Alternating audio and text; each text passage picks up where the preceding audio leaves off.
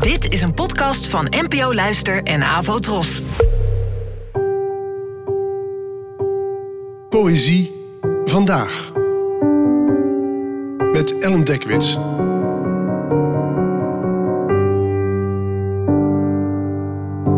Hallo, fijn dat je luistert. Het gedicht van vandaag heet Het kind dat wij waren en werd geschreven door de Nederlandse dichter Edu Peron, geboren in 1899 en gestorven in 1940.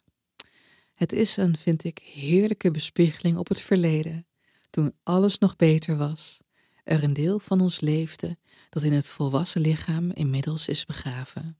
Ik zou zeggen voor vandaag, leun achterover en geniet. Het kind dat wij waren. Wij leven het heerlijkst in ons verst verleden. De rand van het domein van ons geheugen. De leugen van de kindertijd.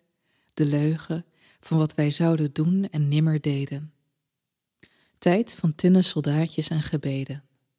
Van moeders nachtzoen en parfums in vleugen.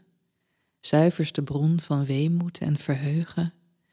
Verwondering en teerste vriendelijkheden het is het liefst portret aan onze wanden.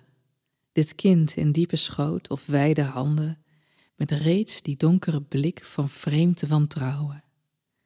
Het eenzame, kleine kind, zelf lang verdwenen, dat wij zo fel en reedloos soms bewenen tussen de dode heren en mevrouwen.